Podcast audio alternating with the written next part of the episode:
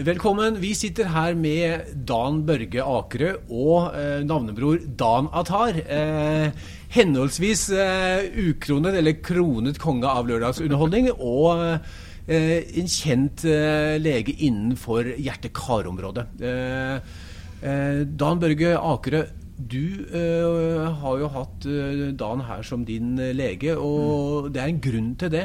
Kan du fortelle hva som skjedde med deg?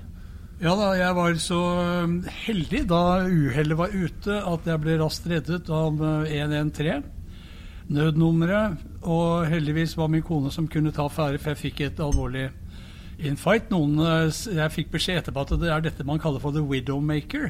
Det er jo ikke noen, uh, ikke noen hyggelig tittel, men jeg måtte da ha hjelp i løpet av sju til ni minutter, hvis ikke så veldig godt galt. Hun ringte med en gang til 113, som er nøkkelnummeret. Hun skjønte hva det var. Ledig ambulanse var på vei opp, eh, ikke så langt unna der vi bor. Og så bor vi i nærheten av Oslo universitetssykehus. Og der jobber jo ekspertisen, som eh, Dan her f.eks. Og eh, jeg ble tatt godt hånd om det, og jeg reddet livet. De klarte til og med å få livet meg etter at jeg teknisk sett døde på operasjonsbordet etter operasjonen. Så fikk de fyrt meg opp igjen, og det var nok de, de pårørendes uh, verste øyeblikk. Uh, jeg får jo ikke det med meg ordentlig, jeg får jo høre om det etterpå. Men det er også ivaretakelsen etterpå.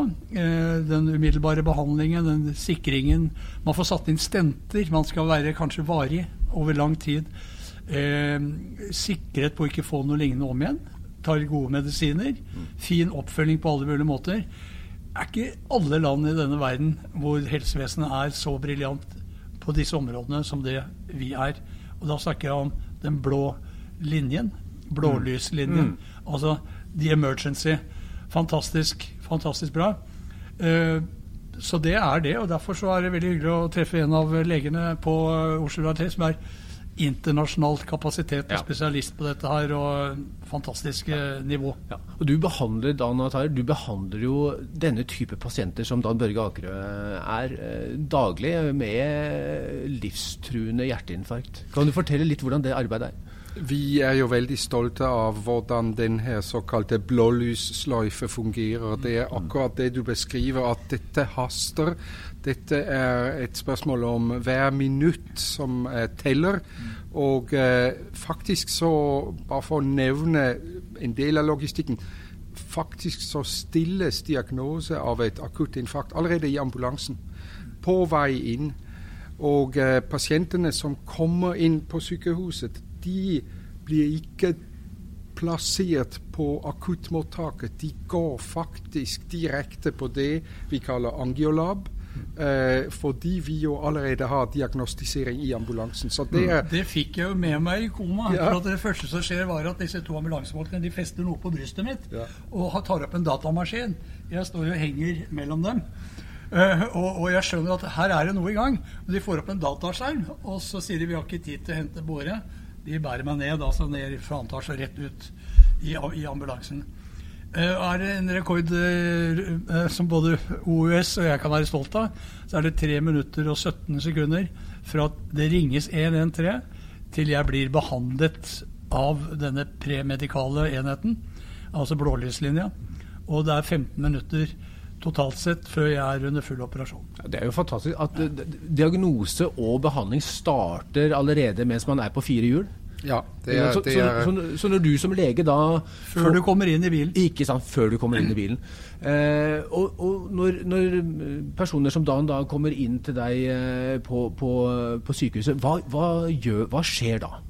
Så det avgjørende som skjer, er den utblokking ballongbehandling, og man plasserer smårør som heter stent, i, det, i den pulsåre eller kransåre i hjertet som da er stengt eller veldig innsnevret. Det er hovedprinsippet. Um, Gjenopprettelse av blodbanen, det er hovedprinsippet. Så, slik at ikke uh, hjertet skal komme varig til skade. Uh, og, det skjer etter de første tredje, altså For dagen sin del da, så kom det etter noen få, få minutter. Men du, når, hvor raskt er det du må få til dette? Så, altså denne stentingen? Altså, det optimale er at fra la oss si smertedebut til den gjenåpningen skjer, mm.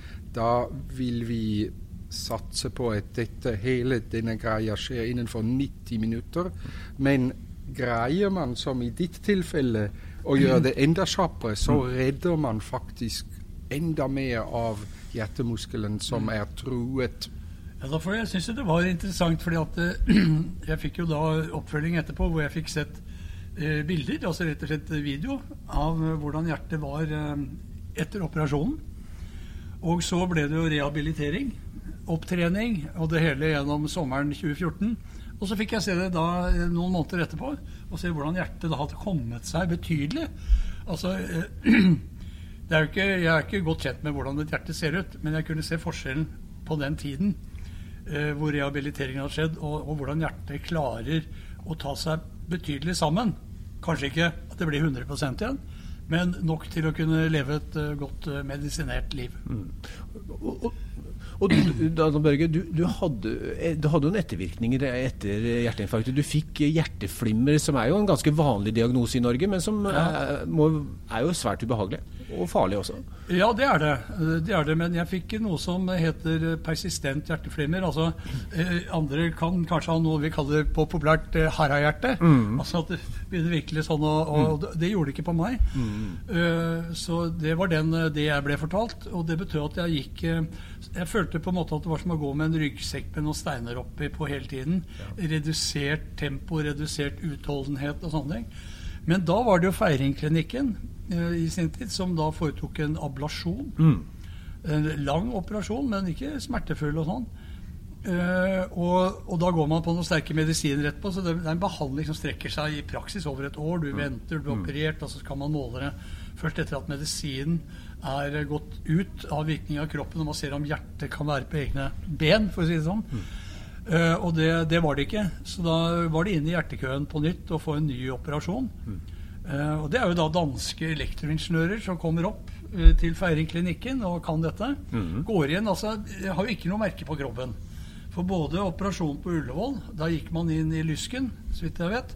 Og det samme gjør man på det å brenne av disse hjertehårene, mm. som da regulerer um, hjerterytmen. Og så det, får et elektrosjokk, så du er tilbake til virkeligheten, og så virke etter annen gang. Og da kan du si at etter, eh, Det var jo nøyaktig fire år etter at jeg fikk hjerteinfarktet. Så ble jeg erklært frisk av fastlegen. Og hvordan har du det nå? Er det Høres jeg ikke frisk ut? Jo, du høres, du høres veldig vigør ut, det må jeg bare få sagt. Jo, ja, men det, det, går bra. Ja, Det er jo, det er jo den eh, Dan Børge Akerø ja. vi kjenner fra TV-skjermen. Ja, det er bra, men det er jo også, vet du, at man tenker på Dette hadde jo ikke Jeg har jo reist i veldig mange land. Mm. Det er jo veldig mange land hvor dette ikke ville gått bra. Eh, så det at man, man, har et helsevesen som vi har i Norge, med de ekspertene som er der, eh, så er det, selv om det er masse flaks, så er det den dyktigheten som allikevel er det avgjørende, og oppfølgingen. Mm.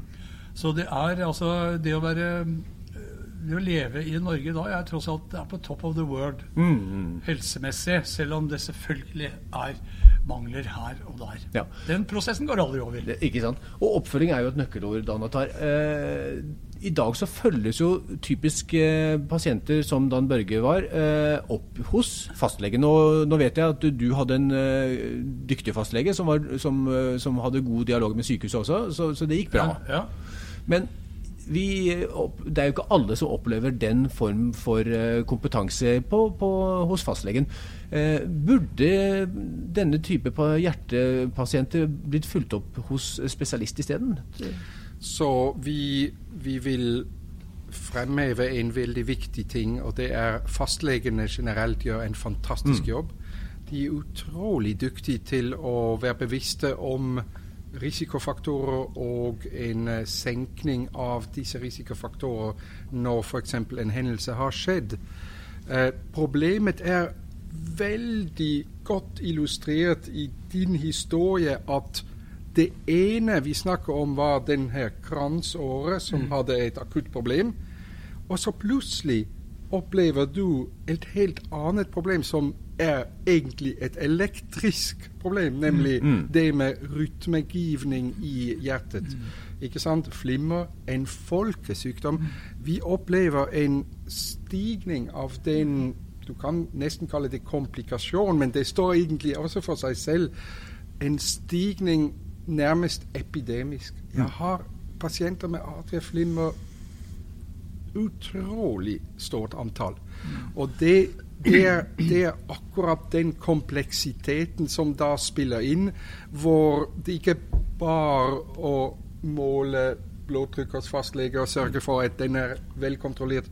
Det er mye mer komplekst. Ja. Og Derfor mener jeg, med all respekt for den gode jobben fastlegene gjør, jeg mener at vi er egentlig i et emneområde som er spesialist um, spe, spesialistoppgave. Ja.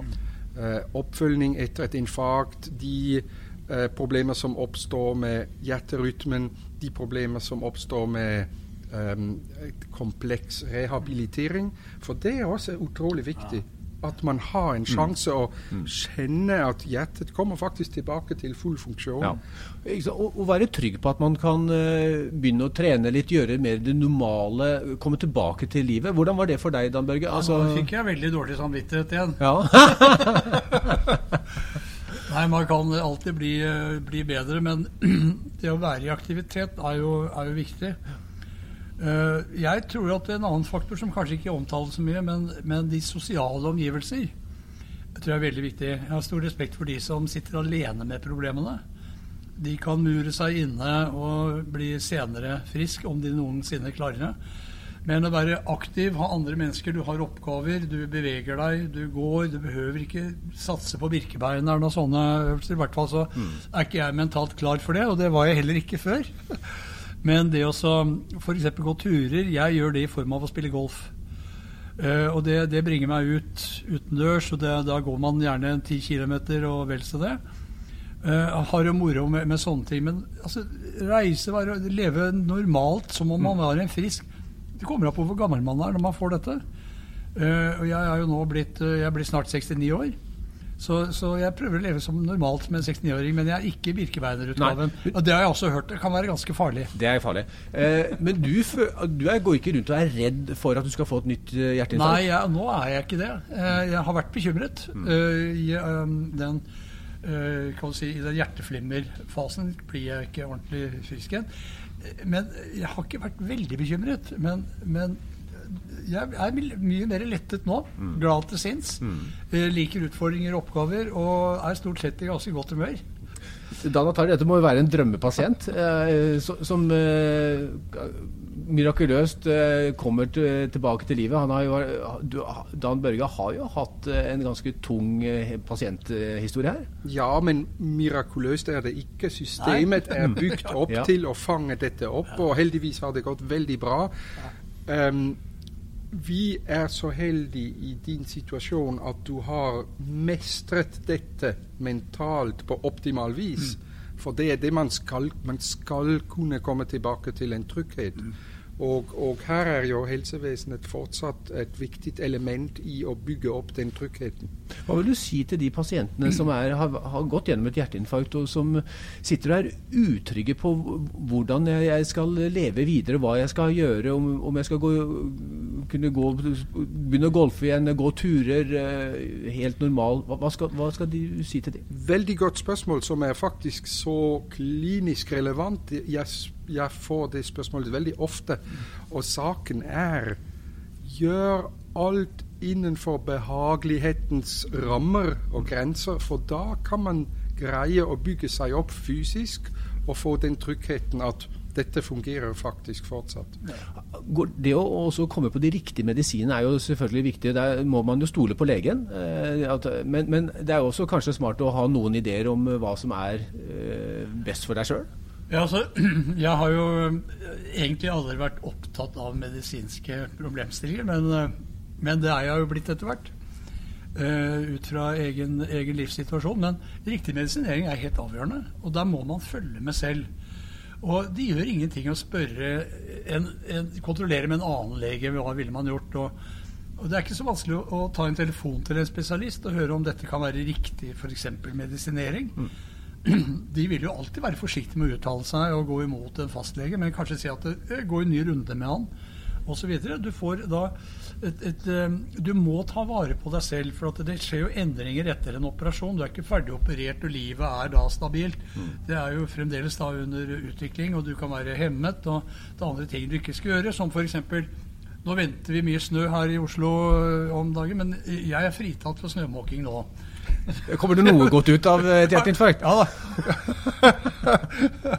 så, så, så det er enkelte ting at da ikke, ikke psykisk måte er i stand til å gjøre. Det kan godt være at jeg hadde hatt godt av å bevege meg litt med, med snømåker, på sett og vis, men, men, det er en mental sperre der. Mm. Og, og, noen sår etter et alvorlig hjerteinfarkt, det vil man måtte leve med. Mm. Det kan man lære mye av. Men uh, jeg kjenner ikke det mennesket som er 100 frisk, egentlig. Nei, det finnes ikke. Dan og Dan, det var veldig veldig hyggelig å prate med dere. Veldig nyttig. Jeg håper at eh, våre lyttere har fått uh, både råd og kunnskap og inspirasjon til å leve godt med hjerteinfarkt, og ikke minst hvordan de skal unngå å få hjerteinfarkt. Ja, nettopp. Å leve godt etter et hjerteinfarkt. Ikke sant. Takk for at dere kom. Takk for det. Supert. Veldig hyggelig.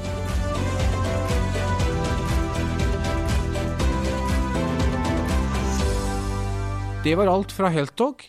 Vi høres igjen neste uke.